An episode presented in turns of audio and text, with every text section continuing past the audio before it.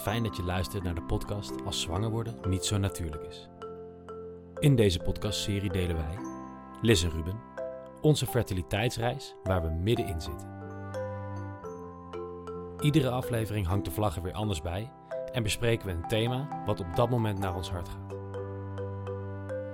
Ook gaan we regelmatig in gesprek met experts en lotgenoten. Zo komen we erachter dat iedereen een eigen verhaal heeft, maar dat we er met elkaar niet alleen voor staan. In deze aflevering gaan we in gesprek met René en Lisa. En het is aan de ene kant fijn omdat je dan hoopvol wordt ook wel. Omdat je denkt, oh ja, dat lukt dus bij mensen. Maar ook wel, ja, ook wel confronterend vond ik dat altijd. En dacht ik, ja, wil ik dat dan nu zelf zijn? Waar gaan wij dat dan nu zijn?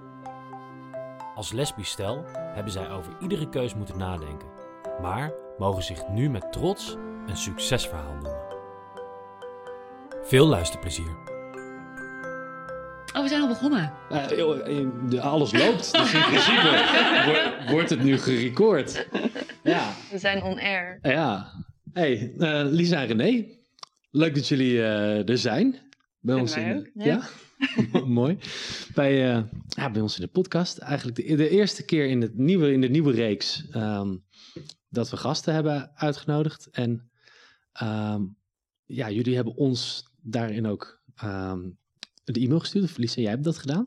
Kan je daar even iets meer over vertellen? Waarom je ons eh, Terug contact. hebt gecontact? Ja. Ehm, ja, de eerste keer eigenlijk gewoon dat ik dacht... Wauw, ik vind het gewoon super mooi wat jullie aan het maken zijn. En dat wil ik even laten weten. En toen de tweede keer, in het tweede seizoen... Toen deden jullie dus ook de oproep van... Oh, we zouden eigenlijk ook wel andere mensen willen spreken. En toen dacht ik... Hmm, van, oh ja, in ons proces heb ik echt heel vaak wel de behoefte gevoeld... om een verhaal zoals die van ons te horen. Ja. En toen dacht ik, oh ja, dus dat zouden we nu eigenlijk kunnen doen. Wij zouden nu dat verhaal kunnen zijn. En ja, zouden jullie iets meer over, over jullie verhaal kunnen vertellen? Even dat we in één keer weten van nou, dit is waarom jullie zitten, dit is wat jullie een beetje Ja. hebben meegemaakt. En dan gaan we daarna daar iets meer... Even, wie zijn in. Lisa en René samen? Waarom Ja. zitten we hier? Nou, liefie. Wie, wie zijn wij samen? Ja, ehm, nou ja, Lisa en René, ehm, twee vrouwen. Ehm, wat het voor ons natuurlijk ook iets ingewikkelder maakt om een kindje te krijgen. Ehm, ja, dus wij hebben ook een proces ge- gehad, automatisch, waarbij we hebben moeten bedenken, hoe gaan we dit voor elkaar krijgen? Ja.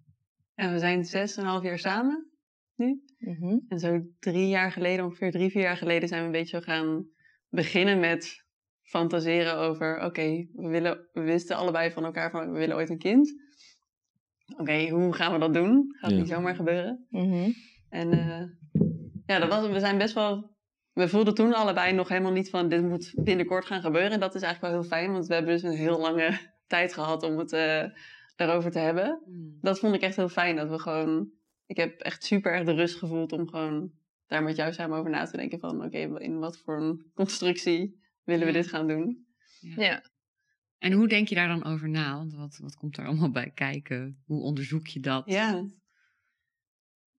Ja, ja nee, e- even sowieso nog. Ik denk dat ik sowieso ook best wel lang de tijd nodig had om überhaupt te wennen aan het idee van, oh, misschien gaan we wel samen een kindje maken. Mhm. Dus dat het op een of andere manier ook best wel fijn was dat er een heel traject aan vooraf ging, omdat dat ook automatisch ons de tijd gaf om te wennen of zo. ja. Dus dat, dat speelde daar langs ook nog een beetje. Waar moest je dan Ehm, precies aan wennen?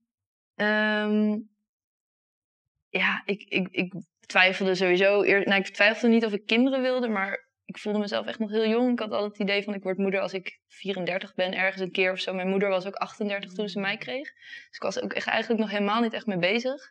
En jij had al iets meer, jij bent ook iets ouder. Een jaartje scheelt eigenlijk niks. Hoe oud maar- zijn jullie? Negen Hoe oud zijn maanden. jullie? Eh, 32. Ja, en ik ben 33. Ja, Jong, Dus jong hoor. ja, nee, maar ja, dat voelde ook echt zo. En want we zijn er dus wel ongeveer drie jaar geleden al over begonnen na te denken. Toen had ik echt nog helemaal niet zoiets van, oh, ik moet nu bijna moeder worden. Eh, maar ja, de gesprekken ontstonden wel al een beetje. En ja. ehm, ja, het idee dat je samen een kindje gaat maken, Mhm. ik weet niet, dat was nog heel vreemd. Maar jij had wel al wat eerder zoiets van, ja, maar het gaat gewoon misschien echt heel lang duren. Want we moeten nog een donor vinden. Willen we wel een donor of willen we het op een andere manier? Ehm, nou ja, dat, dat kan zo nog maar vijf jaar duren, zeg maar, mocht het überhaupt lukken. Ja. En zo zijn we langzaamaan een beetje, het begon met dit soort gesprekken. En dan zo langzaamaan van, oké, een donor, hm, hoe voelt dat? En dan zo langzaam ga je die gesprekken steeds meer concreet maken. Ja. Zo de, de, de diep, dit voelt een beetje als de diepere laag die we hebben onderzocht, van de, de hele constructie erachter. Maar we hebben ook heel plat, als soms zitten kijken, zo gingen we weer eens op Facebook inloggen en dan zo alle mannen in ons netwerk zo van... Nee, nee, nee, die, ziet, nee die, die willen we niet als donor. Ja. Oh, misschien is hij wel we leuk. Ah nee, maar nee, dat is ook weer raar. Die Want die kennen leuke humor. Ja. Ja, je gaat echt gewoon kritisch kijken. Ja. Dat vind ik belangrijk. Maar het is toch, ja, het wordt wel de helft. Die mannen een in de van- omgeving die krijgen nu in één keer te horen. Ja. Oh, is het zo hoe jullie naar me hebben gekeken? En ook dat we zo op een gegeven moment zo bij één iemand van... Ja, die is wel echt heel erg leuk. Maar hoe, gaan we, hoe ga je dat vragen? Van, ja, ga je dan zomaar even een keertje in de kroeg van... hey, zou je trouwens? Want Ja. dat hebben we ook wel van... Ja, nee, dan moet jij het vragen. Jij kent hem beter. Ja. Dus zo, ja, een beetje allemaal paadjes. En uiteindelijk hebben we het... Eigenlijk het aller, allereerste paadje wat er ooit een beetje voor ons is geopend. Ja. Zijn we ingegaan. Ja. Daar kwamen we toch weer terug. Ik had dat al heel snel. Ja. Van dat, van dat paadje is, eh, als ik daarin kijk, dan zie ik eigenlijk alles wat ik zou willen zien. Of zo. Wat Van, is dat paadje dan? Wordt heel Ja, spannend. een, eh, een heel spannend bospaadje. Kijk Een heel spannend bospaadje geworden. ja. Ja. Ehm, nou, ik heb een, eh, een vriendin van de middelbare school nog. eh, Laura heet zij. En zij is al heel vroeg, eh, heeft zij een jongen ontmoet, een Zweedse jongen, Dan. En zij zijn samen naar Zweden verhuisd. Eh, heel jong ouders geworden. En eh, ik heb altijd contact met haar gehouden. En één keer per jaar zien we elkaar. Dan, dan komt zij terug naar Nederland met een gezin. En dan eh, zien we haar bij haar moeder in Arnhem in Klarendal. En dan vieren we kerst. Ehm, en het was een keer dus vier jaar geleden volgens mij... dat wij een beetje in gesprek raakten over moeder zijn. En dat zij aan mij vroeg van... "Ja, maar hoe zie jij dat eigenlijk voor je? Heb je daar al wel eens over nagedacht? Toen zei ik, nou, nou, nog niet echt. Maar ja, dat gaat wel een dingetje worden ja, als wij op een gegeven moment kinderen willen. Lisa en ik waren toen twee jaar samen. Hm. Dus dat was ook nog niet echt aan de orde. Maar ik dacht wel van, nou, dat zou wel eens met Lisa misschien potentieel ooit zo kunnen zijn. Ehm, ja, dus ja, dan zullen we op zoek moeten naar, naar iemand die ons wil helpen. En toen, diezelfde avond nog of zo, toen kreeg ik in één keer een berichtje van haar. eh, met, hey, ehm, ja, er is iets wat je moet weten. Ik heb het er met Dan over gehad. eh, we hebben er lang over gepraat. En mochten jullie ooit in de toekomst er aan toe zijn en echt een kinderwens zeg maar, gaan krijgen, dan moet je weten dat wij jullie wel willen helpen. Wauw. Ja. En toen dacht ik echt, wat? Dat had ik echt totaal niet aan zien komen. Echt gewoon op geen enkele Het werd manier een soort van out of the blue zo Ja, eh, naartoe echt. gegooid. Ja, echt gewoon. Er was niet eens een soort straatje in dat gesprek wat daar al naartoe ging of zo. Dus dat was echt, echt een shock, dat appje. Meteen aan Lisa laten zien. En die had ook echt zoiets van, oh, wat bijzonder. Eh, Ja. Wat Ja, wat- voelde je er erbij? Toen je dat dan opeens lijkt er hier is een zaad, dus mogelijkheid tot een kind. Ja, heel- het is zo Wat groot. er? Het is echt Ja. zo groot. En het was een appje. Dus dat was zo'n mindfuck, zeg maar. Want we zeiden ook echt tegen elkaar van... Huh, dat ze dit appt, weet je wel. Zo, ja, ik had dan verwacht dat als je dan zoiets gaat voorstellen... dat je dan zegt, zullen we even Ja. afspreken of zo, weet je wel. Maar dat, dit is ook heel erg symbool voor hoe zij daar ook... eh, spoiler alert, in het hele proces ehm, mee om zijn gegaan. Het is voor hun gewoon iets heel... Ja, iets vanzelfsprekends of zo. Ze hebben gewoon echt gedacht Ja. van... Nou, dit, dit willen wij gewoon wel voor hun doen. En nou, stuur maar een appje en laat het ze maar weten. Dus Wat ja, dat, gebeurde er bij jou toen, of in, bij jullie? ehm, ja, ik weet niet, wel, hoe, hoe was dat voor jou? Ja, ik vond het gewoon super Ja. bijzonder, heel moeilijk om te geloven. Eh, de neiging... niet dat jullie meteen dachten, eh, serieus meer gingen nadenken, nu willen we starten? Want het heeft nog best Nee, wel geduurd, ja. toch? Ja. Nee, ja, klopt. Dat is niet, nee, het was niet per se de kick-off van nu gaan we erover nadenken. Nee, Het was gewoon zo, hmm, oké, ja, super fijn om die optie een van meteen te hebben. de grootste dingen die je kan doen voor iemand, denk ik, in een vriendschap, denk ik. Ja. Dus zo van, wauw, dat, je, ja, dat een vriendin van jou en dat ze haar vriend erover heeft gehad. En zo toen weer gewoon zachtjes geparkeerd even Ja. of zo. Ja. Ja. Totdat hij weer kwam. Dat is dat paadje, wat Ja. Ja. eerder... Van eh, achter de boom zo. Ja. Oh ja. Ja. Ja. Zodat, ja, op een gegeven moment ging die weer oppiepen. Maar toen was het gewoon van, wauw, oké, Ja. mooi. Want Ja. waren jullie toen in je kinderwens ook nog niet zo ver dat je dacht van ik ben er klaar voor? Nee. Nee. Nee, we waren daar toen nog niet echt mee bezig. nee. Nee. Want wanneer begon het dat jullie er echt mee bezig gingen dan? Ja, dat is denk ik drie jaar geleden. Dit is trouwens, de, de, met, met het appje en zo van Laura is wel vijf jaar geleden. Ja, misschien inmiddels Lisa is wel van tijd. en Van Ja, ja leeftijd. absoluut. Ja.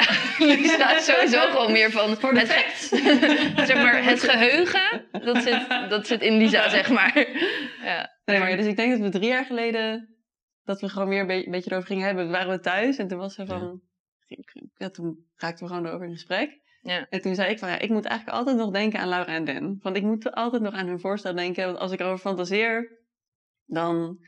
En ik maak iedereen anoniem, dan zie ik alsnog een soort van hun twee volgens mij. Ja. En ja, ze, Dat zaadje was wel echt geplant. Ja, deed-. Ik, ik had er gewoon een super goed gevoel bij. Terwijl, nou, het is een vriendin van jou. Ik ken haar zus toevallig wel goed, maar ik heb helemaal niet. En Dan had ik nog nooit ontmoet. Nee, je had überhaupt nog helemaal niet ontmoet. Nee, alleen maar. Zat niet in de lijst met, verhalen. eh, met mannen die jullie toen Nee, anders had ik hem meteen gekozen. Nee, maar dus ja, toen zei ik tegen jou van, ik moet er anders aan denken. Toen hebben we dus een appje, omdat we, nou, we communiceren dus blijkbaar over dit soort gigantische dingen in appjes met hun. Dus we hebben een appje teruggestuurd met, hey, eh, dat voorstel van jullie van twee jaar geleden, weet je nog? Ja. Ehm, geldt dat nog? Van, is dat... Ja.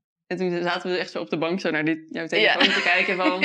helemaal in spanning. Als ze nu zeggen nee, ja, dan weten we gewoon dat we, ja, een heel proces in moeten gaan. Ja. Ja. Ja. Ja, dus eigenlijk is dat proces, dat, eh, ja, dat is jullie bespaard gebleven. Ja. ja, zo Ja. voelt het echt. Ja, Ja. ja. Maar ik vind het wel interessant, want jullie hebben eventjes gekeken naar mannen in jullie Mhm. netwerk. Nou, dat die niet, die heeft geen humor en dat soort dingen. Maar deze Ja. man kende je eigenlijk niet. En toch dacht je direct, hey, dit zou een goede donor Ja. zijn. Zo, waar zit dat dan in? Ja, dat is wel een goeie. Ik, ja, gewoon echt een gevoel. Ja. En ook door hoe zij leefde, zeg maar, leven. Gewoon, zij reisde heel veel. Wonen nu in Zweden, natuur, heel erg outdoor mensen. Yoga in hun leven. Ja, ik had gewoon helemaal dat ik dacht, het komt overeen met ons. Ja. Hoe zij in het leven staan. Ja. Ja. Mooi, Daar dat- zitten dat genen die, eh, genen die, Ja, ja, die ik ook wel zou Dat ja, op die ja. manier. Maar het is, nu je het zegt, Ja. denk ik, ja, het is eigenlijk best wel apart dat ik, dat ik er... Maar het was vooral, denk ik, een gevoel en niet zo... Terwijl, ik ben nogal van ratio en van alles goed Ja. uitdenken, maar daarbij had ik gewoon... Het voelt gewoon goed. Ja. Ja, ik kan me voorstellen als Mooi. vrouwen hierin zitten, maar ook mannen, dat je zo'n lijstje gaat maken. Waar moet iemand aan voldoen? En wat Ja. ik belangrijk? En nu zeg je eigenlijk, misschien jullie allebei wel van, het is heel erg op gevoel. En Ja. is van, hey, zit iemand in een soortzelfde flow in het leven als waar Ja. ik in zit? Maar ik denk Toch wel wel. dat onbewust dat lijstje gewoon best wel is afgevinkt bij hun. Zeg maar. Ik denk, Hmm. we hebben het er nooit op die manier over gehad. Nee. Maar ja, dus toevallig zijn er gewoon echt een aantal dingen aan de situatie die gewoon zo ideaal waren. Ook zo het feit dat zij daar wonen. Dus dat wij hun bijvoorbeeld niet in Arnhem of in Amsterdam, waar we toen nog woonden, zo op straat elk moment random kunnen tegenkomen. Ja. Vinden we heel fijn. En Hadden jullie dan, voor, dan van tevoren ook met elkaar een gesprek over wat vinden wij nou belangrijk? Dat iemand bijvoorbeeld niet in de buurt woont? Of ontstond dit allemaal? ja, dit ontstond, Dit ontstond, dus eigenlijk een beetje aan de hand van die situatie. Dat we erachter kwamen van, oh ja, dit vinden we toch wel eigenlijk allemaal heel belangrijk. Ook dat zij al twee kinderen hadden. Daarvan dachten we ook dat echt van, oh ja, hun, ze- kinderwens is gewoon compleet al, zeg maar. Ze zijn gewoon hun eigen gezinnetje. En ze willen ons helpen, maar zij zien het dan ook niet als een soort uitbreiding van hun gezin of een... Nee. Ja, Ja, dat is inderdaad, want dat hebben we ook wel van andere mensen om ons heen. We gingen het op een gegeven moment ook met vrienden erover hebben. En dan merkte je dus ook dat onze vriendinnen dan zeg maar dus ook zo'n beetje gingen nadenken van... Zou mijn vriend dan... Hmm, een beetje zo, zie je dat zo aangaan in hun hoofd. En dan merkte je ook wel dat veel zeiden van... Ja, maar wij hebben zelf nog geen kinderen. En misschien gaat het wel nooit lukken. En dan heeft hij dus een kind ergens. Ja. Weet je wel, van hoe kan dat... Ja, Ja. dus dat, dat vonden we heel fijn aan deze situatie. Dat het, Ja, snap ik wel. Oh. Als het in, als, ik zou ook het compleet. lastig vinden om Nu, eh, ja. nu eh zaten doneren aan, aan Ja. iemand terwijl ik zelf geen kinderen heb. En dat ik dan wel ergens een kind zou Ja. hebben. Ja, Ja, want dan- ook heel logisch alles is. Ja. wat je dan afspreekt over jouw rol, misschien kom je daar op een andere manier op terug als je in één keer beseft van oh, ik ga het zelf gewoon nooit meer krijgen in mijn eigen relatie. Dus dat, ja, dat, dat Ja, dan, dan, wordt het weer anders. Maar op dit moment zijn de kaarten nog dusdanig ja, eh, zo geschud. Ja. En Ja. als jullie dan eenmaal zo'n keus maken hè, van deze man en dit stijl klopt eigenlijk helemaal, hoe gaat het dan verder? Dat, ja, we hebben inderdaad, dus toen, toen kwam het appje, toen lichtte het scherm op met ja hoor, we zijn eh, nog wel, eh, we staan nog wel voor open, dus laten we een keertje daarover gaan praten. Dat hebben we volgens mij toen... Wat gebeurde er toen? Wat, eh, viel het van jullie af? Ja. Ja, toen, zijn- toen zijn we gaan wandelen door Amsterdam en toen hebben we het echt heel lang erover gehad. Gewoon van, oké, maar zij wonen daar, weet je wel, gewoon Ja. praktische dingen. Van hoe gaan we Ja. dat doen? Hoe zien we dat voor ons? Ja. En volgens Het mij was- hebben we toen voorgesteld om met hun gewoon een keer even in het echt af te spreken. Van oké, als jullie weer in Nederland zijn, laten we elkaar even zien. Mhm. Ja. En dan is het erover praten. Ja. We wisten natuurlijk wel meteen dat het superleuk allemaal, maar holy shit, wat onpraktisch, want hij woont in Zweden. Ja, Ja. Hoe ja. gaan we Dat hoe willen we gaan we maar dat zaadje Ja, hier ja, ja. Ja, krijgen? kan je ook niet per post opsturen Nee. nou ja, Hebben we dat onderzocht? op Ja. dat moment waren we nog in het stadium dat we echt geen idee hadden hoe dit allemaal werkt. Dus inderdaad, kan je dit per post opsturen? Hoe werkt dit? Express We delivery. hebben nog gekeken. Letterlijk. Dan kun je zeg maar zelf zo'n... Je moet dus, als je het invriest, moet het zo'n hele lijpe vriezer zijn. Die zo min, weet ik veel hoeveel duizend graden. We hebben nog opgezocht van, kun je die zelf kopen? Zo van, kan je hem opsturen? Echt die, geen idee. bij die kliniek van, ja, want zij, er wordt veel zaad opgestuurd vanuit Scandinavië naar Nederland Ja. toevallig. Dat is wel Ja, eh, van Ja. Denemarken vooral. Dus toen dachten we van, nou, als er Dat dan moet toch een, kunnen? eh, een vrachtwagentje of een vliegtuigje gaat, mag er dan een emmertje mee. Zo. En dan kopen we zelf wel een hele goede vriezer. Dus is zo'n potje zo van, kom, kom maar. En dan zo Oeh, ik heb er nog googelen Ja. van, ja, kan Ja. het ook in een gewone huistuin en keukenvriezer? Dat, dat, ik, ik zag al helemaal voor me dat we dan zo'n bakje in onze vriezer hebben naast het brood en de Ja. met ons misschien toekomstige kind. Maar Ja, goed, dat werd wel een beetje ingewikkeld. ja. Ik, ik had echt heel erg een droombeeld van dat we dan ook gewoon zelf inseminatie zouden doen. Mhm. Een do-it-yourself kit die je dan bestelt en dat leek me gewoon heel cool. Ja. Toen zaten we inderdaad nog in de naïviteit van... we gaan gewoon elke maand naar Zweden met onze dieselbus, de dagwereld... waar we ons Ja. kind in willen op gaan voeden. Prachtig voorbeeld aan onze toekomstige kind. En toen was het op een gegeven moment wel... oké, nee, dat kan misschien niet. Hebben we volgens Nee. mij nog gezegd van... oh, misschien gaan we dan gewoon een half jaar... Daar Daar wonen zijn. en werken. Ja. En ook zo, oké, hoeveel pr- pressure willen we ook op de relatie met hun zetten... dat we in Ja, hun, ja. dat geïsoleerde dorp waar ze wonen... dat wij er dan ook nog even gaan wonen, een half Ja. jaar. Ja, we wonen in de achtertuin. Ja. eh, Ja. Dat is ook op de tijd van de maand. Maar dat Ja. komt dus wel allemaal voorbij. Al Ja, ja, die ja. Zo, zoveel Ja. gedachten, Ja. zoveel gesprekken, ja, echt. Ja. En ja, was ook echt dat we dan zeiden, nee, ja, we gaan gewoon elke maand erheen, fuck it, dat kan gewoon. En dan zo de volgende dag, nee, tuurlijk gaan we niet elke dag erheen. Dat, dat Super helemaal niet. Hoe gaan we dan dat met ons werk doen? werk Ja. zo, ja. Dus dat, eh, en toen hebben we ook nog van, ja, we, ook de, de zaadbank hebben we dan toch ook soms weer nog voor mijn gevoel weer even geopend, dat eh paadje van, oké, willen we dat niet gewoon? Is, is dat misschien Gewoon een anonieme donor. Ja. Ja. En dan weer zo, nee, nee, het is toch wel heel fijn als we weten wiens genen er eh ja. Je had ook echt tijd nodig om echt te voelen, Ja. oké, dit is de juiste stap. Ja, Ja. ja. En toen, want jullie maken het spannend. ja, toen kwamen zij, na die, na die reis gingen we dus terug naar Nederland. En toen kwamen zij die zomer ook. En toen hebben we gezegd van, oké, laten we elkaar, laten we nu even een keer niet whatsappen, maar gewoon in het echt. En toen hebben we ook al gevraagd van, zouden jullie alvast over na willen denken, hoe, als we dit gaan doen, wat in jullie ogen de meest ideale situatie zou zijn? Ja. Ja. Dus hoe gaan we elkaar noemen? Eh, wat gaan jullie tegen jullie kinderen vertellen? Eh, Daar moet je allemaal over nadenken. Terwijl Ja. er eigenlijk er is nog steeds geen bevruchting, maar daar moet Nee, je nee, over ja. nadenken. reiskosten. Van oké, eh, nou, er zitten, bij een kliniek zitten komen heel veel kosten bij kijken. Zo van, nou, al die dingen moesten we over nadenken. Ja. En toen dachten we van, eigenlijk vinden we het fijner als niet wij gaan vertellen hoe wij dat graag zouden willen. En dat zij zich daarnaar voegen misschien. Mhm. Maar gewoon, bedenken jullie maar hoe jullie het zouden willen. En wij, en dan Oké. ontmoeten we elkaar en dan gaan we het over hebben. Ja, ja, ja. En dus dan hebben we dat eigenlijk aan hun gevraagd. Gewoon eerst van, wat, hoe zouden jullie het voor je zien? En dat, in dat gesprek was het gewoon een soort van, voep, kwam gewoon samen. Ja. Ik Ja, dat, denk dat er- dat matchte gewoon in één keer. Ja, heel supergoed. goed. Dat was echt. En toen had ik al helemaal het gevoel van: dit klopt gewoon helemaal. Ja. En Ja. dit is gewoon goed zo, volgens mij. Dus, want het- er zitten natuurlijk hele grote vraagstukken in. Van stel dat kindje is straks een puber en die wordt nieuwsgierig.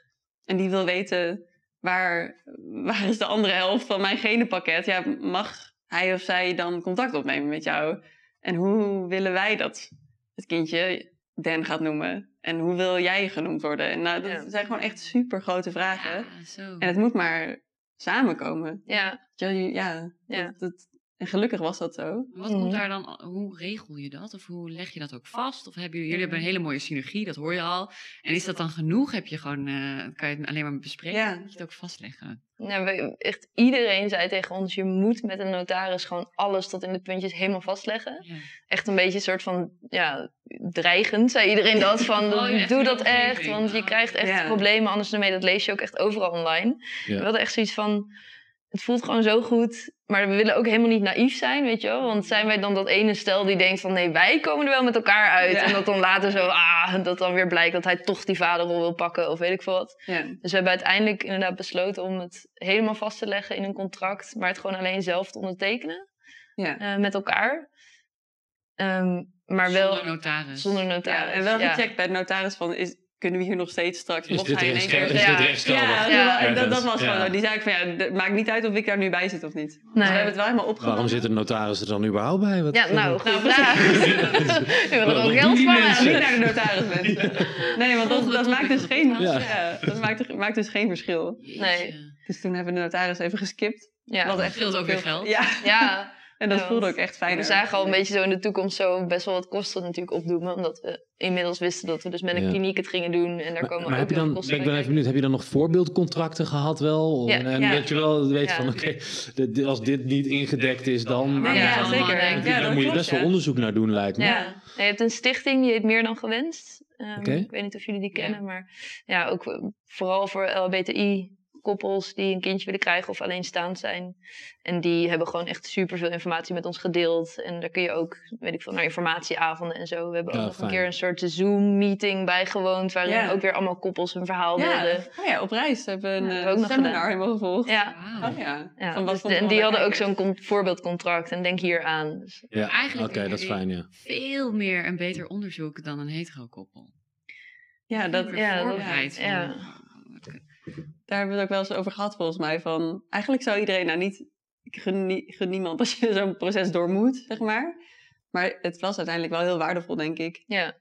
En, Wat is er dan zo waardevol? Nou, dat het tegen de tijd dat we gingen beginnen, zeg maar, voelde dat gewoon echt... Oké, we hebben over alles, Alles nagedacht. En ja. ook dit, dit toekomstige kindje is zo gewenst. Dat voelde ik op een gegeven moment echt Mm. gewoon... Iedereen om ons heen was vet aan het meeleven. ja. En ik dacht van, nou, normaal is het dan gewenst door de twee die dat samen gaan proberen. Maar bij ons wa- was er, nou, was natuurlijk Dan en Laura die daarbij al waren. Waarvan ik dacht, die hebben dit aangeboden. Die hebben ook al zo'n bijzondere relatie met wat daar gaat komen, hopelijk. Zo van, dat voelde ik op een gegeven moment zo sterk van, wow, dit is gewoon... Heel veel mensen zijn zich nu al op het verheugen aan jou.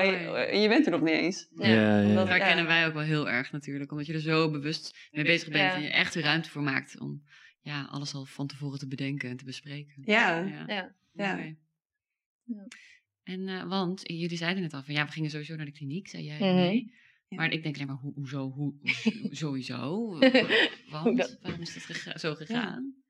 ja, dat was op een gegeven moment wel omdat we dus wel bedachten dat naar Zweden heen en weer mm, misschien toch niet zo handig was. En eh, hij kon dan wel één of twee keer per jaar misschien hierheen komen, maar ja, dat moet dan ook maar net. Ja. eh, moet je net geluk hebben. Dat Ja. zagen we niet echt gebeuren, dat dat dan eh, de oplossing was. We wilden het gewoon ja, steady, gewoon een tijdje achter elkaar dan kunnen proberen. Ja, als je er helemaal klaar voor bent, dan wil je ook gewoon ervoor Ja, gaan. ja, Ja. en dan niet weer een Ja, half jaar ja. moeten wachten als dan die eerste poging niet lukt. Dat, Ja. Nee, dat leek ons heel relaxed. Ja. Dus toen hebben we inderdaad ehm, eh, ja, voor het eerst volgens mij contact opgenomen met een kliniek die we eigenlijk best wel vrij random volgens mij hebben gekozen. dat onze huisarts zei van, nou, die, daar, die ken ik goed. Zeg maar daar hoor ik vaak goede Ja. verhalen over. Ja, en Dat oké. dat was zo medisch, centrum Kinderwens in Leiderdorp. Dat is relatief dicht bij Amsterdam. Dus Ja. dat was wel Ja. chill. En ehm, ja, contact opgenomen. En die, eh, ja, dan kom je gewoon in hun systeem. En dan eh, ga je de hele molen in van Ja. eh, intakegesprekken. Ja. En eh, Wat ook allemaal best wel lang duurde steeds. ja. Een lange wachtrij toen. Ja. Toen, kreeg, toen kregen we in één keer door van... oh, nu snappen we waarom iedereen zegt dat het best wel lang kan duren. Omdat er bijvoorbeeld quarantaine... eh, zaad moet in quarantaine, een half jaar. Zo, oh mijn Een god. half jaar. Ja, zo ding. Oké, de tijdlijn krijgt alvast een half jaar Wa- dat moet in quarantaine vanwege?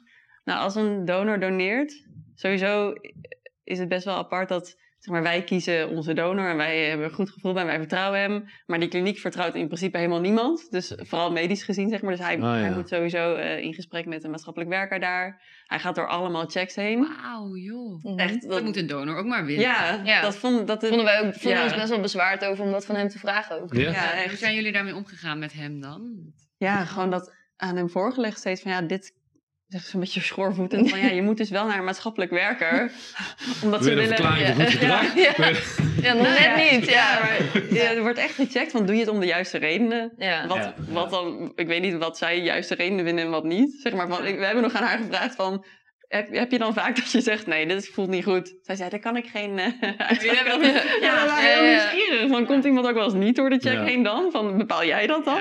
Ja. Want blijkbaar degene met wie ze dat wil doen, vonden hem oké, maar jullie dan niet. Maar nee, dus dan, eh, ja, dat hebben we dan aan hem voorgelegd. Maar ja, je Wordt moet- hij dan gewoon behandeld als een willekeurige donor, zoals alle andere donors dan ook? Of is het wel dat hij een specifieke behandeling heeft, omdat jullie hem al specifiek hebben uitgekozen? Ja, dat volgens mij wel. Als in, je gaat wel een ander soort traject voor Ja, oké. Ja. En dat, die quarantaine is dus dat hij heeft een vaste relatie en een gezin. Dus wij weten wel dat hij niet al, eh, allerlei vreemde ziektes kan hebben. Of in ieder geval, daar gingen wij dan gewoon op goed vertrouwen van uit. Ah. Maar daar doen zij niet aan. Dan mag je mag ook niet ergens aanvinken van... we willen dat gedeelte skippen, want wij vertrouwen Nee. hem. Ja, ja, Dus dan- ja. Iemand kan een tweede leven hebben. Ja, naast ja, geheime iets. En ja. Dus hij moest doneren. En dan een half jaar lang is eigenlijk de tijd...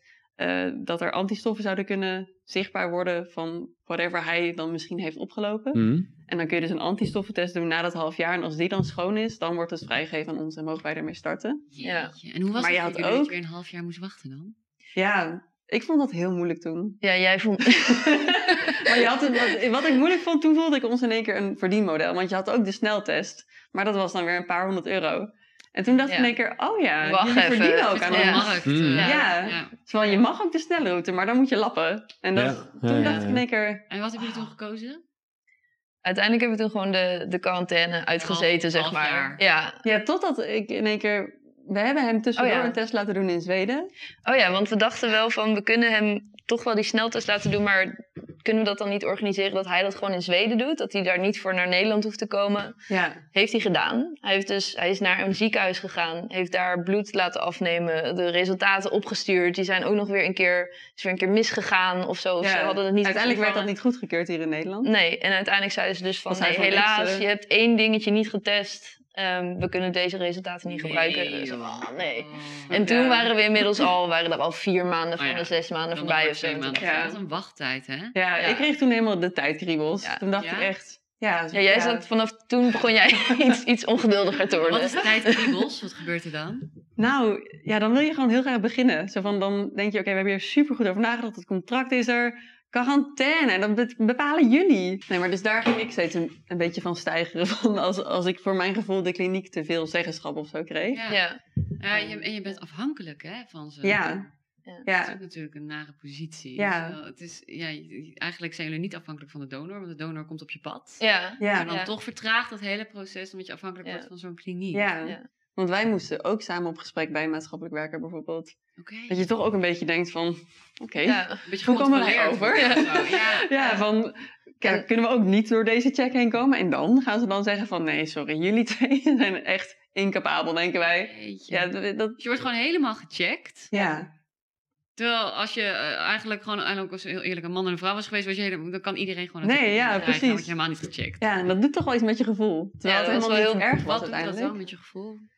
Ja, Ik vond het heel dubbel, want de mensen waren super aardig. Zeg maar, ik Ja. was mega dankbaar dat zij er zijn. Zeg maar, we hadden ook een, een eigen arts. En dat is echt gewoon... Ik zou hem heel graag nu nog weer even een keer willen zien en een knuffel willen geven. Ja, ja, ja. Ja. Ehm, en ook die maatschappelijk werkster was ook echt een fantastisch chille vrouw. Maar Ja. tegelijkertijd denk je dus echt... Waarom ben ik dit gesprek aan het voeren? Dat snap ik. Ehm, ja, mogen wij niet gewoon zelf aanvinken? Ja, wij vinden onszelf capabel, weet je wel. Net als gewoon Ja, iedereen die Wie gewoon... bepaalt daarover? Ja. Ja, dat is wel raar dat, is, ja, dat is echt zo, zo raar om in zo'n soort proces eigenlijk zo- zo'n onbekende externe factor te hebben die daar iets van gaat vinden. Ja. En hoe gingen jullie daarmee om samen? Hoe Konden Ja. jullie een beetje je weg daarin vinden, zeg maar? Nou, we konden er wel om lachen, volgens mij. Ja, we, hebben- ja, Humor. Ja. we hebben, ja, humor is denk ik wel een, een goede drager geweest voor ons. Ja. Maar dat was, we zijn zoveel momenten ook tegengekomen dat gewoon eigenlijk iets niet echt kon, maar dat wij dan er wel om moesten lachen. Ja. Maar zo, dan? nou, bij die kliniek krijg je dan een vragenlijst helemaal aan het begin. Die vul je in over jezelf, dat is nog voor de intake. En dan stond er bijvoorbeeld, moesten wij aanvinken, eh, eh, wij houden er rekening mee tijdens de geslachtsgemeenschap, wanneer de vruchtbare periode is. Eh, en proberen op deze manier al een tijd zwanger te worden. zo, ja, dat kunnen we op zich doen. ja, maar dat heeft niet zo heel veel zin in ons geval. Zo Ja. werkt dat niet. Nee. Dat zouden jullie moeten weten. Nee. Ja, dat je echt denkt, het is niet echt moeilijk om aan het begin van die vragenlijst even... Wij zijn twee personen met een baarmoeder of ik ben één persoon. Ja, Want, en dat dan misschien even uitfiltert. Ja. Ja. Slaaf vraagt tien over. Want dat Precies. is Ja, maar hoe makkelijk is dat? En het is, zo, het is grappig, maar ergens vond ik het ook irritant. Precies, Ja. want je lacht erom, maar het kan ook frustratie met Ja. En ook van, we leven in 2023, hoe Kom ver is zo'n kliniek Ja. dan? Ja, en dat je, dit is, jullie hebben alleen maar met dit soort mensen te maken. Ja. Ja. Hoe kan je nog steeds... Want dat, Dat voelde echt super raar. Er was Ja. ook iemand begin. Uiteindelijk hadden we besloten dat Lisa als eerste eh het kindje dan ging dragen. Dat is trouwens ook nog een heel proces geweest hoe we daar uiteindelijk Ja. eh, tot die beslissing zijn gekomen. Hoe kom je tot die beslissing? Ja. Maar je wil Ja. nog even wat anders zeggen? Ja, nou ja, op een gegeven moment moesten we dus beginnen met zo wat formulieren en zo invullen. Ehm, en toen was er ook zo één formulier en dat heette letterlijk vrouw zonder man formulier. Oh ja. En dat was dan bedoeld omdat je dan op een of andere subsidieregeling kan je aanspraak op maken voor zeg maar dat proces waar je in komt. Ehm, dus dat, dat moesten we invullen. Maar V- VZM, vrouw, Ja. wat? Wij zijn niet twee vrouwen, maar wij zijn het. Wij Vrouw. moesten, ja, de vrouw zonder man verklaring heet Ja. het. Jeetje. Zo, echt zo, oké, ja. ik weet niet of ik mezelf identificeer als vrouw zonder man. Volgens mij ben ik een vrouw met, Met vrouw. En dat was ook, Hebben jullie dit ja. ook gemeld daar of zo? Of terug? Ja, dit Ja. hebben we En hoe reageerden ze daarop? Ja, van oh wat goed dat jullie het zeggen. En Ja. zij, zij zeiden toen van ja, dit is vanuit de overheid, heet deze regeling zo. Dus het, en Jullie het- moeten met de overheid gaan praten. Ja, precies. Maar zo, Zo moeten we er dankbaar voor zijn, want dat is dus inderdaad een subsidie die je krijgt. We hebben met heel veel verschillende, eh, met huisartsen, we zijn nog bij een gynaecoloog geweest in de hele zoektocht van wie gaat beginnen. Ja. En, gewoon, en daar zijn gewoon heel veel momenten geweest dat we dachten, ja, dit is een beetje een gekke situatie eigenlijk. Of je hebt gewoon niet helemaal door wat je Ja. nu zegt, of het is misschien Ja, het is echt- kwetsend. Het chillste Wat voorbeeld.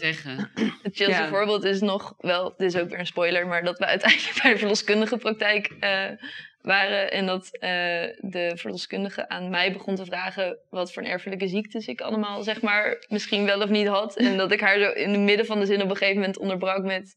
Maar wacht even, hoe is dit relevant precies voor ons, kindje? En zij zo, oh nee, nee, dat is niet Zo relevant. standaard. Ja. Ja. zo. Naar de volgende. Ja. not we my zijn jeans. helemaal- Not my jeans. Ja. Nee, maar zullen we even naar het onderwerp gaan, want hij komt al een paar keer voorbij. Ja. Wie gaat dragen? Dat je het daarover gaat hebben. Hoe is dat bij Ja. jullie gegaan en hoe gaat dat überhaupt? Ja. Ja. En wij hebben eigenlijk daar eerst- hadden, wij, hadden wij geen last van namelijk. Nee, precies. Soms zou ik wel eens willen dat ik kon zeggen. Jij wou niet. nee, nee, ik wilde heel graag. maar- Ja, nee. ehm, we hebben eerst gekeken, volgens mij, of er medisch een reden zou zijn om voor een van ons te gaan. Ja. Van, ik ben negen maanden ouder. Van, is dat een reden? Dus dat gingen we toen vragen eerst bij de huisarts. En die zei toen van, nee, kan bij de gynaecoloog. Heb jij nog een soort onderzoek gehad? Ja. Eh, dus van, is er een medische reden om deze keuze Ja. op gebaseerd te maken? Van. En dat was er eigenlijk niet echt. Nee, ik heb PCOS. Dus ik dacht nog van, moet ik dan juist nu snel beginnen? Ehm, want misschien, en toen zei uiteindelijk die gynaecoloog van, hele rare met PCOS is, is dat je minder vruchtbaar bent, want je wordt minder vaak ongesteld, maar daardoor blijven je eitjes ook langer Ik heb liggen. Mhm. PCOS, dus Ah. je blijft heel lang vruchtbaar. Ja, dus Ja. wat fantastisch is. Super. Ik heb heel veel Ja. eitjes. Je hebt Ja, een oh ja, goede tuurlijk. Ja. Dat Ja, is het voordeel van PCOS. Ja. dat wisten wij tenminste. Ik had Nee. daar echt geen idee van. Dus Ja. dat was een soort van, oh, oké. Alleen het is minder makkelijk om eh, zwanger te worden. Ja. Omdat je niet zo vaak een ijsprong hebt. Ja. Ja, Ze precies. blijven allemaal lekker in die ijsstokken zitten. Ja, Ja. Ja. ja. Hoe je kan nog tot je zestigste. Maar heel soms springt het eruit. Ja. Dan Ja. was er ons een beetje een soort van... Oh shit, dan hebben we nog steeds geen gegronde reden om te weten wie nou Ja. moet beginnen. zeg Ik weet nog dat de huisarts op een gegeven moment zei van... Volgens mij zijn jullie aan het wachten op iemand die tegen jullie zegt...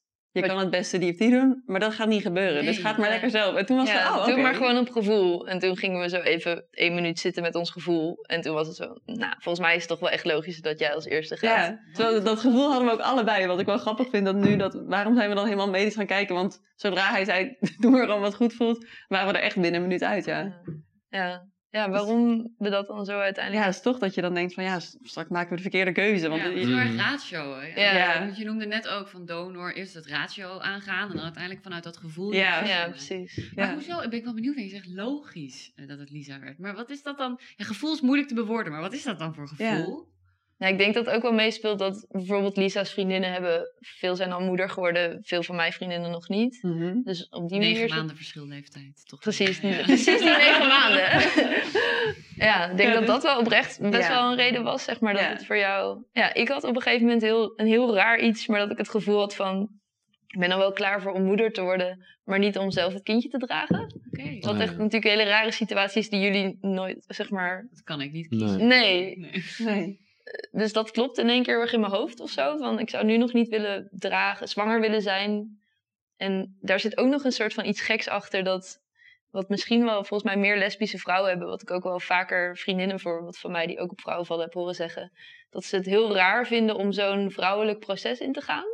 dus ehm, ik, het voelde voor mij heel vreemd om zwanger te gaan worden. Of zo. Ik Mhm. zie dat ook nog steeds gewoon bij mezelf helemaal niet voor me. Dat zullen trouwens heel veel hetero vrouwen ook hebben hoor, daar niet Ja. van. Maar ik weet niet, het voelt gewoon als zoiets, zoiets ultiem vrouwelijks. En dat vind ik heel, heel erg niet bij mij passen.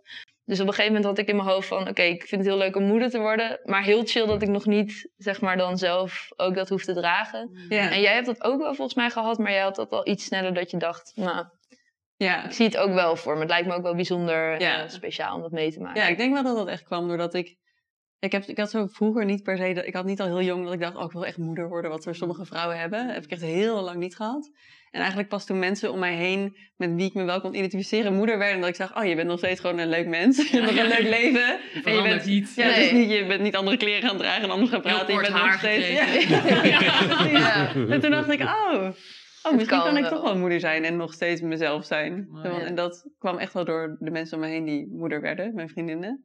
Ja. dus ik weet nog dat ik op, op het laatste denk ik toen we het over hadden, dat ik dacht, oh, ik hoop niet dat jij gaat zeggen dat jij eigenlijk als eerste wil. Ja. Want eigenlijk had ik al wel echt het gevoel van, ik, ik zou zou het wel willen. Dus het Dat klopt was gewoon helemaal bij jullie. Ja. Ja. Even een stukje verder in de tijd, denk ik. Mhm. Ook met een beetje het oog eh, op de podcast. Ik ben wel even benieuwd, want jullie, gingen, jullie hebben dat besluit genomen en daarna in de kliniek. Want toen, ging het, toen gingen jullie waarschijnlijk aan de slag. Dat Ja. Ja. het starten. Dus vertel, hoe ging dat na dat wachthalfjaar in quarantaine? Ehm, ja, toen, ja, zo in de...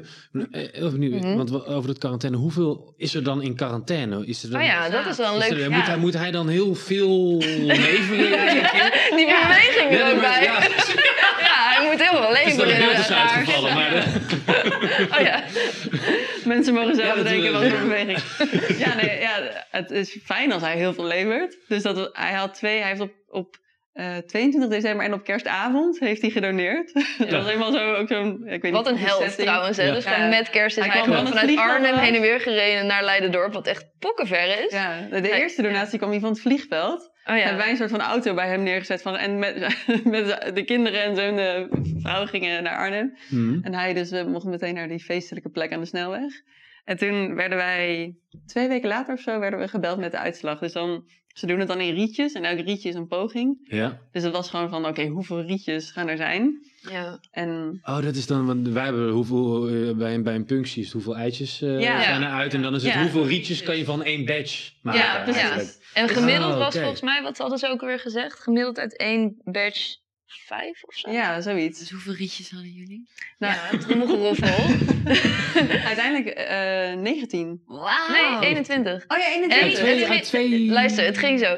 Sowieso, hij kreeg als eerste het nieuws. Wat ik heel netjes vind van de kliniek. Dat niet een soort van wij als eerste horen van ja, Ja. sorry, één of zo. Ja. Dikke faal. Ja, hij werd eerst gebeld. Dus hij had volgens mij al wel een duimpje omhoog gestuurd of zo in de groepsapp. Een soort van zo, ja, I'm good, I'm good. En Oké, super spannend.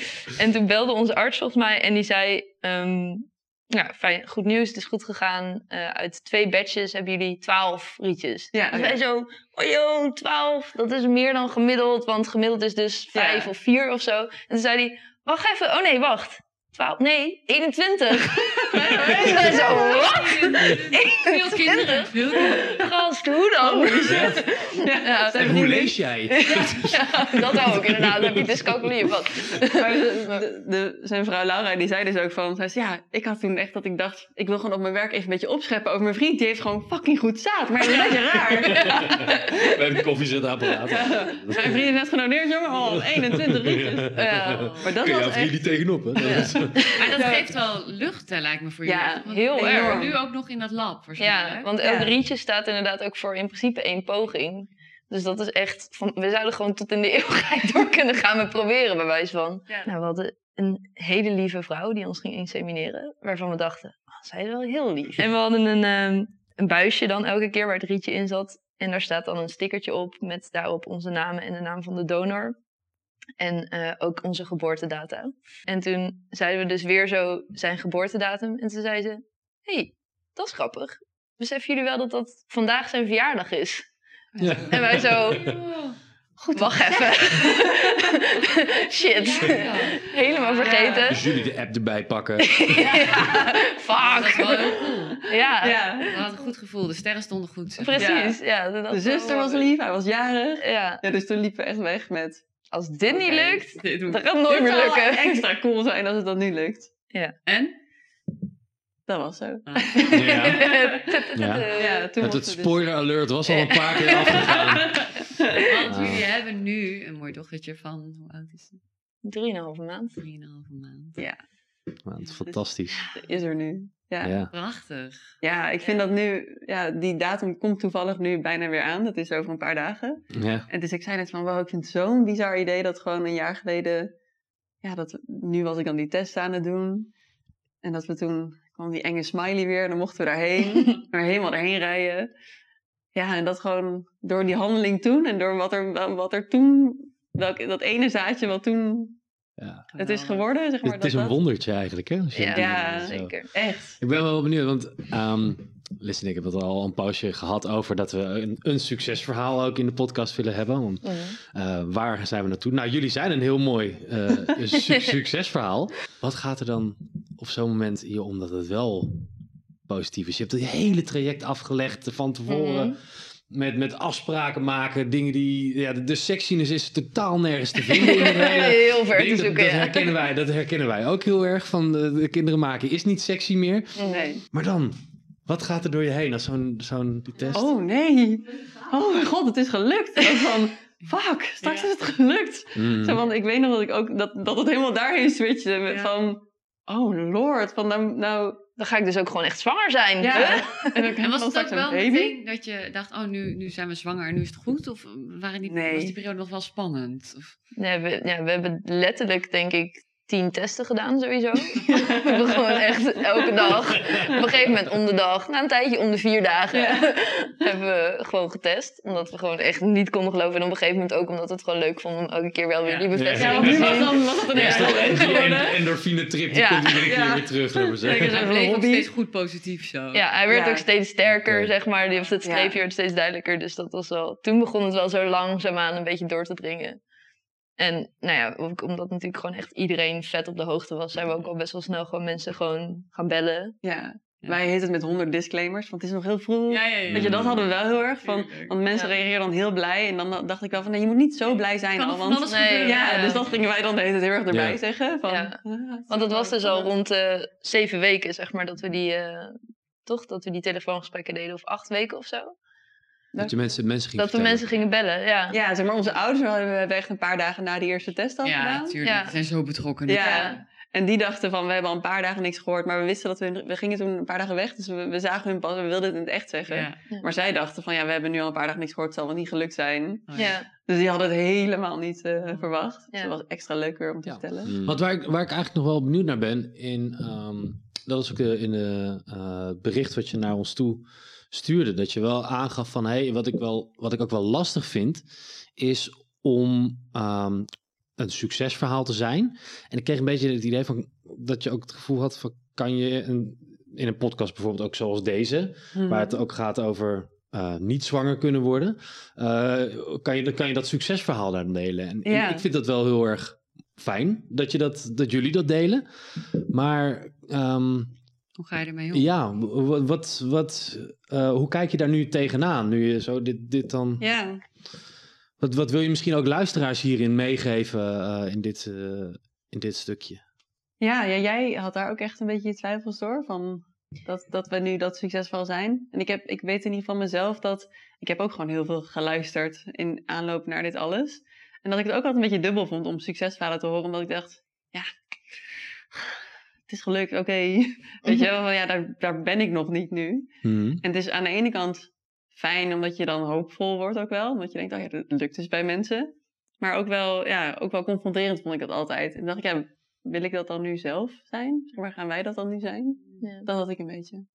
ja, je wil ook weer niet soort van jezelf speciaal vinden of zo. Dat had ik dan vooral een beetje van wat maakt ons verhaal dan zo speciaal of het waard om te vertellen. Terwijl ik heb echt de meest basic verhalen gelezen volgens mij in de aanloop hier naartoe. En ik vond alles interessant. Dus Ja. ja, ja, Ja, en er zullen altijd mensen zijn die zich herkennen in jullie verhaal. ja. En wij hebben daar laatst ook een gesprek over gehad dat die herkenning zo fijn is als je Ja. zelf in het Mhm. proces zit. ja, Ja, echt. Ja. Ja. Ja, je beseft denk ik ook op een gegeven moment niet meer zo heel erg dat inderdaad wat je doormaakt ook gewoon wel een verhaal is. En dat het ook wel gewoon, dat wij ook keuzes hebben moeten maken en dat je ook tegen dingen aan bent gelopen. ehm, omdat het gewoon dan weer in het, in het verleden ligt, zeg maar. Ja. Ehm, Ja, maar, eh, want dat heeft denk ik daar best wel invloed op. Hè? Het ligt in het verleden. Ehm, ga, ja, voelt dat dan anders? Wordt de pijn of de, de, de, de, de lastige aspecten van, het, eh, eh, eh, van jullie hele traject, worden die daardoor heel erg overschaduwd? Dat je daar nu alleen nog maar rooskeurig naar, naar kijkt? Nou, we moesten wel echt weer even teruggaan in het hele proces. Omdat je inderdaad gewoon... Ja, dan is er een baby. En dan ben je daarmee bezig. En toen, dus dat hebben we nu, nu we wisten dat dit gesprek aankwam, hebben we dat dus een beetje gedaan samen. En toen zei van, oh ja, waren toch wel best wel veel momenten die of een beetje lastig waren. Of ja, sowieso van, jezus, wat een monster van een traject is dit überhaupt geweest. Van, dat Mhm. vergeet je ook gewoon een beetje. Mm. Dus ja, het, het voelt inderdaad wel alsof je een beetje overgaat naar een ander bakje. Zeg maar zo, het bakje van succesverhalen. Terwijl dat, we zitten ook nog steeds met ons hele verhaal in het bakje van de trajecten. Want dat was gewoon een heel traject. Ehm, Ja. Ja. Maar dat, ja, dus dat is even wennen of zo. Dat je, Zit in een ander bakje. ja, maar zo dat, bak, dat andere bakje staat ook daar. En daar zit ons verhaal wel in, zeg maar. Ja. Want het is wel wat we hebben meegemaakt. Wat was het, eh, het, het moment dat je voelde dat je van het ene bakje naar het andere bakje mocht? Of kon, of ging? Nou, niet per se toen we zwanger waren. Want zelfs dan in een zwangerschapsaankondiging merk je nog steeds dat je anders bent. Want je ziet bij iedereen meteen het vraagteken van... Zeg maar, de mensen om ons heen wisten hoe dat was gebeurd. Maar bij andere mensen zie je ze meteen zo... Maar hoe dan? Ja. Ja. En dat, is, dat vond ik echt jammer. Dat ik heb voor mijn gevoel geen één keer gewoon de aankondiging kunnen doen van... Ik ben zwanger. Dat mensen gewoon zeiden... Wauw, wat cool voor je. Maar het was altijd... Zo, we kwamen onze buren tegen op straat. En die zeiden gewoon... Oh, hoe heb je dat gedaan dan? Met IVF of zo? Eh, we wilden gewoon heel blij vertellen dat we een kindje verwachten. En het wordt meteen... Dat was ook met het huis wat we ah, gingen kopen. We, we- de huidige eigenaresse was daar toen, toen we gingen bezichtigen. En zij vroeg ook gewoon... We kennen haar dus echt twee minuten. En zei ze... Hoe ga je dat doen? Met een bekende donor? Of eh, Jeetje. iemand uit de zaadbank? Dat je, ja, het is Ja. aan de ene kant vind ik het wel fijn dat mensen gewoon vragen. Maar de manier waarop is soms best wel. Wow. Ja. Ja. Zo, en, ja. wat is dat wat je mensen dan mee zou willen geven? Van, want je vindt het wel fijn dat ze het vragen. Mhm. Wat is dan, wat is dan fijn of wat werkt dan wel goed? Of, Ja. of Ja, we ze hadden- juist gewoon om ja. mond houden? Want aan de ene kant denk ik ook, het zijn helemaal niet hun zaken. Nee. Het is denk ik super mooi als mensen nieuwsgierig zijn. En ik snap het ook, zeg maar. Het is, sommige mensen komen het al helemaal nooit tegen. Ja. Dus dan wil je dat weten. Maar een hele makkelijke suggestie zou zijn van... vraag gewoon even of je het mag vragen. Ja. Vraag gewoon... hey, ik weet niet of het voor jou te privé is of dat het oké is... maar ik ben wel benieuwd hoe jullie dat eigenlijk voor elkaar hebben gekregen samen. Ja, want ik denk dat we dan altijd gewoon hadden geantwoord. Ja, maar het is... Maar het dan heb je ook de keus om te zeggen, Ja. van, daar praat ik liever Ja. niet Dat je even de ruimte hebt van heb ik zin om dat nu te Ja. vertellen of niet.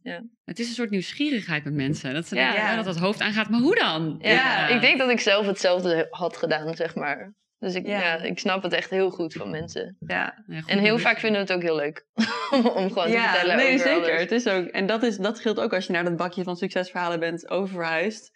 Dan wordt het al heel snel heel leuk, omdat je gewoon, je kan goed afronden. En je wilt natuurlijk het liefst een verhaal altijd goed afronden. Maar, er, gewoon- er is een goede knaller aan het eind en dat, dat we een dochter hebben samen. Ja. Dus dan, dan maakt het maakt heel veel dingen wel makkelijker. Maar er zijn, ja, die, die momentjes, het, er, er wordt gewoon de hele tijd, wordt weer duidelijk dat je een uitzondering bent. En daar heb je niet altijd zin in. Soms wil je ook gewoon even Mm. kunnen zeggen, Ja, dan zeg je iets heel raaks, hè? Dat je een uitzondering bent. Dus Ja. dat je- daar word je gewoon weer even heel bewust van. ja, Ja. Ja. en misschien kunnen we dat niet eens tegengaan.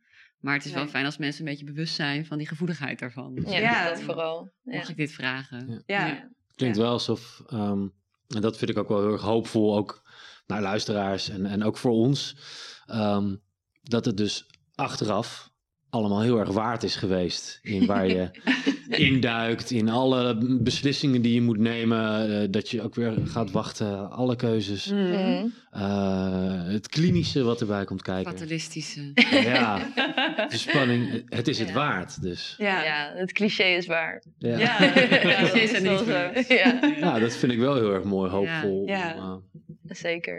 om Ja, dat ja. zo te horen. Ja, wij zitten bijvoorbeeld ja, nog in, in, in, in alle ups en downs eh, van die trajecten. Maar dan, ah, soms heb ik het heel erg nodig. En daarom wilden we ook heel graag een succesverhaal in de podcast. Want Mhm. ehm, ja, dat je weet dat je ook nog even hoort waar je het voor doet. Ja, ja. En, ja, wat jij zegt, het is soms als je erin zit, wil je het helemaal niet horen, het succesverhaal. Je wil je gewoon eigenlijk mensen die hetzelfde als jij. Maar ik vind het ook wel heel erg fijn Mm. Om het zo te horen. Ik, Oh, yes. ja. ja. Ik wou net vragen namelijk van hoe het voor jullie nu voelt als je dit Ja. ons dan het hoort vertellen. Ja, over voor zo de mij ook positieve goed. test.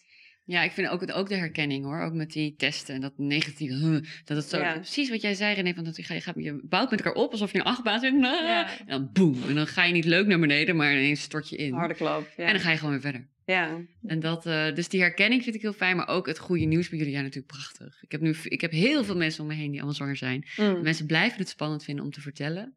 En tegelijkertijd merk ik dat ik steeds, ik heb wel, aan het begin vond ik het moeilijk, dan praat je Mm. het over een jaar terug.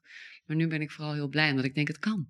Ja. Ja, ja. En bij jullie ook, weet je, het gebeurt er niet meteen, maar het kan. Mhm. Want merkte je dat mensen om jou heen voor jou invulden van hoe dat je dat misschien moeilijk zou vinden en dus niet deelden met jou? Ja, en die deelden of al zeiden, oeh, ik vind het heel moeilijk om je dit te Ja. vertellen. Oh, ja. Boem, heel zwaar. En dan die, die uitzondering ben ik dan. Ja, Ja. ja, ja, ja. uitzondering zijn, dat is denk ik het pijnlijkste. Ja. Ja. Ja, dat kan me voorstellen. Maar, dus we hebben een mooi einde met een baby bij jullie. Ja, dat is zeker. gewoon prachtig. Ja, dank. Ja, dank jullie wel voor jullie verhaal delen. Ja, jullie ook bedankt. Ja, Ja. mooi dat we mochten komen. Ja, Ja. absoluut. Leuk En, voor Ozie voor later. Ja. Om dit allemaal terug te horen. Ja, dit, eh, dit is het naslagwerk eh, Ja, voor Ocie. Ga jij maar eens even luisteren hoor. Ja. hoe moeilijk het was. Zo. Oh, wat stof We hebben allemaal voor jou gedaan. Ja, op het moment dat je kan praten en dat je een beetje kan Ja. luisteren, gelijk koptelefoon op Koptelefoon. de oren. En wat ik nog wel, één ding wat ik heel mooi vind dat ik eruit haal, ook bij jullie weer, is juist omdat je er zo bewust mee bezig bent geweest en ook die wachttijd hebt gehad en dat geduld, Ja. hoe welkom zo'n kindje dan is. Ja, Ja, Hoe enorme energie en liefde er is om dat te ontvangen. Ja. Ja. ja. Dus eigenlijk is het ook, geeft zo'n traject ook weer iets. Ja, Ja, Ja, dat, mag ik nog één dingetje toevoegen? Want dat heb ik wel eens ook zo voorbij horen komen van mensen die zeggen van... Ja, als je aan IVF moet beginnen, dan eh, misschien is het dan gewoon niet meant to be. Of dan Ja. hadden jullie misschien samen geen kindje moeten ja, krijgen. hebben, wij ook, eh, Ja. hebben we ook gedacht. Dat, Oké, ja. Nee, Nou niet gedacht, dat hebben we niet gedacht, maar hebben we gehoord. Ja. nee, maar ik kan me Mm. zelfs voorstellen dat je misschien op een gegeven moment zelf, zelf daarover gaat Oh, twijfelen. ja, ja, ja. Maar in ieder geval, bij ons is dat gewoon nooit een optie geweest, zeg maar, om het op de natuurlijke manier te doen. Dus wij gaan meteen in onze irritatie als wij zoiets horen Ja. van iemand, zeg maar. hmm. En precies wat jij zegt, juist die kindjes die met zoveel moeite worden gemaakt, zeg maar, die zijn zoveel meer welkom dan sommige kinderen die er gewoon maar uit worden gegooid, Ja, bij wijze ja, van, zo- zonder over na te denken. Zo'n oepsie. Ja, ja, precies. Het Ja. zou weer, het is heel mooi, het zou een hele nieuwe aflevering kunnen worden. Want ook als mensen langer een kind hebben of dat blijft. Dat bewustzijn, dat Ja. dankbaarheid. Ja. Van, ja, jij Ja, bent ja. er gewoon. Ja, En we hadden hier laatst wel iemand langs en die heeft twee kinderen via IVF. En ze zei het verdwijnt nooit. dat Mm. kan ik me echt super goed voorstellen. Zo bewust. Ja. Zo welkom. Ja. Ja, ik denk dat we hebben het ook zelfs op het geboortekaartje gezet. Van in, in het dan van we zijn voor altijd dankbaar. En zo die gedachte, die voel ik echt nog. Ja, het is er pas 3,5 maand. Maar Ja. gewoon zo, die voel ik zo intens sterk. Ja, Gewoon, mooi. ja, dat is echt zo het grootste gebaar. Wat je als vriend dan kan, kan schenken aan iemand. En dat is gewoon, ik vind dat echt nog steeds zo'n wonder. Ja. Anders, ja, geen idee hoe ons leven nu was geweest. Zeg maar gewoon alles zou anders zijn als dat aanbod er niet was geweest. Misschien hadden we dan ook op een Ja. andere manier een kind gekregen. Maar gewoon... Jullie kunnen nog 18 kinderen krijgen, toch? ja, precies. Ja, goed uitgerekend. dan zie je. weet nog meer wonderen. Ja. Ja. Jullie mogen er eentje hebben. Nou, dank jullie wel. Bedankt voor het luisteren naar de podcast Als zwanger worden niet zo natuurlijk is. Mocht je het delen van dit onderwerp willen ondersteunen, abonneer je dan op deze podcast en laat een review achter. Zo worden we nog beter gevonden. Mocht jij er behoefte aan hebben om een thema rondom fertiliteit te bespreken of jouw verhaal in de podcast te delen, meld je dan via onze website www.zwangerwordennietzonatuurlijk.nl of stuur ons een bericht via Instagram of Facebook. We kijken er naar uit om met jou in gesprek te gaan.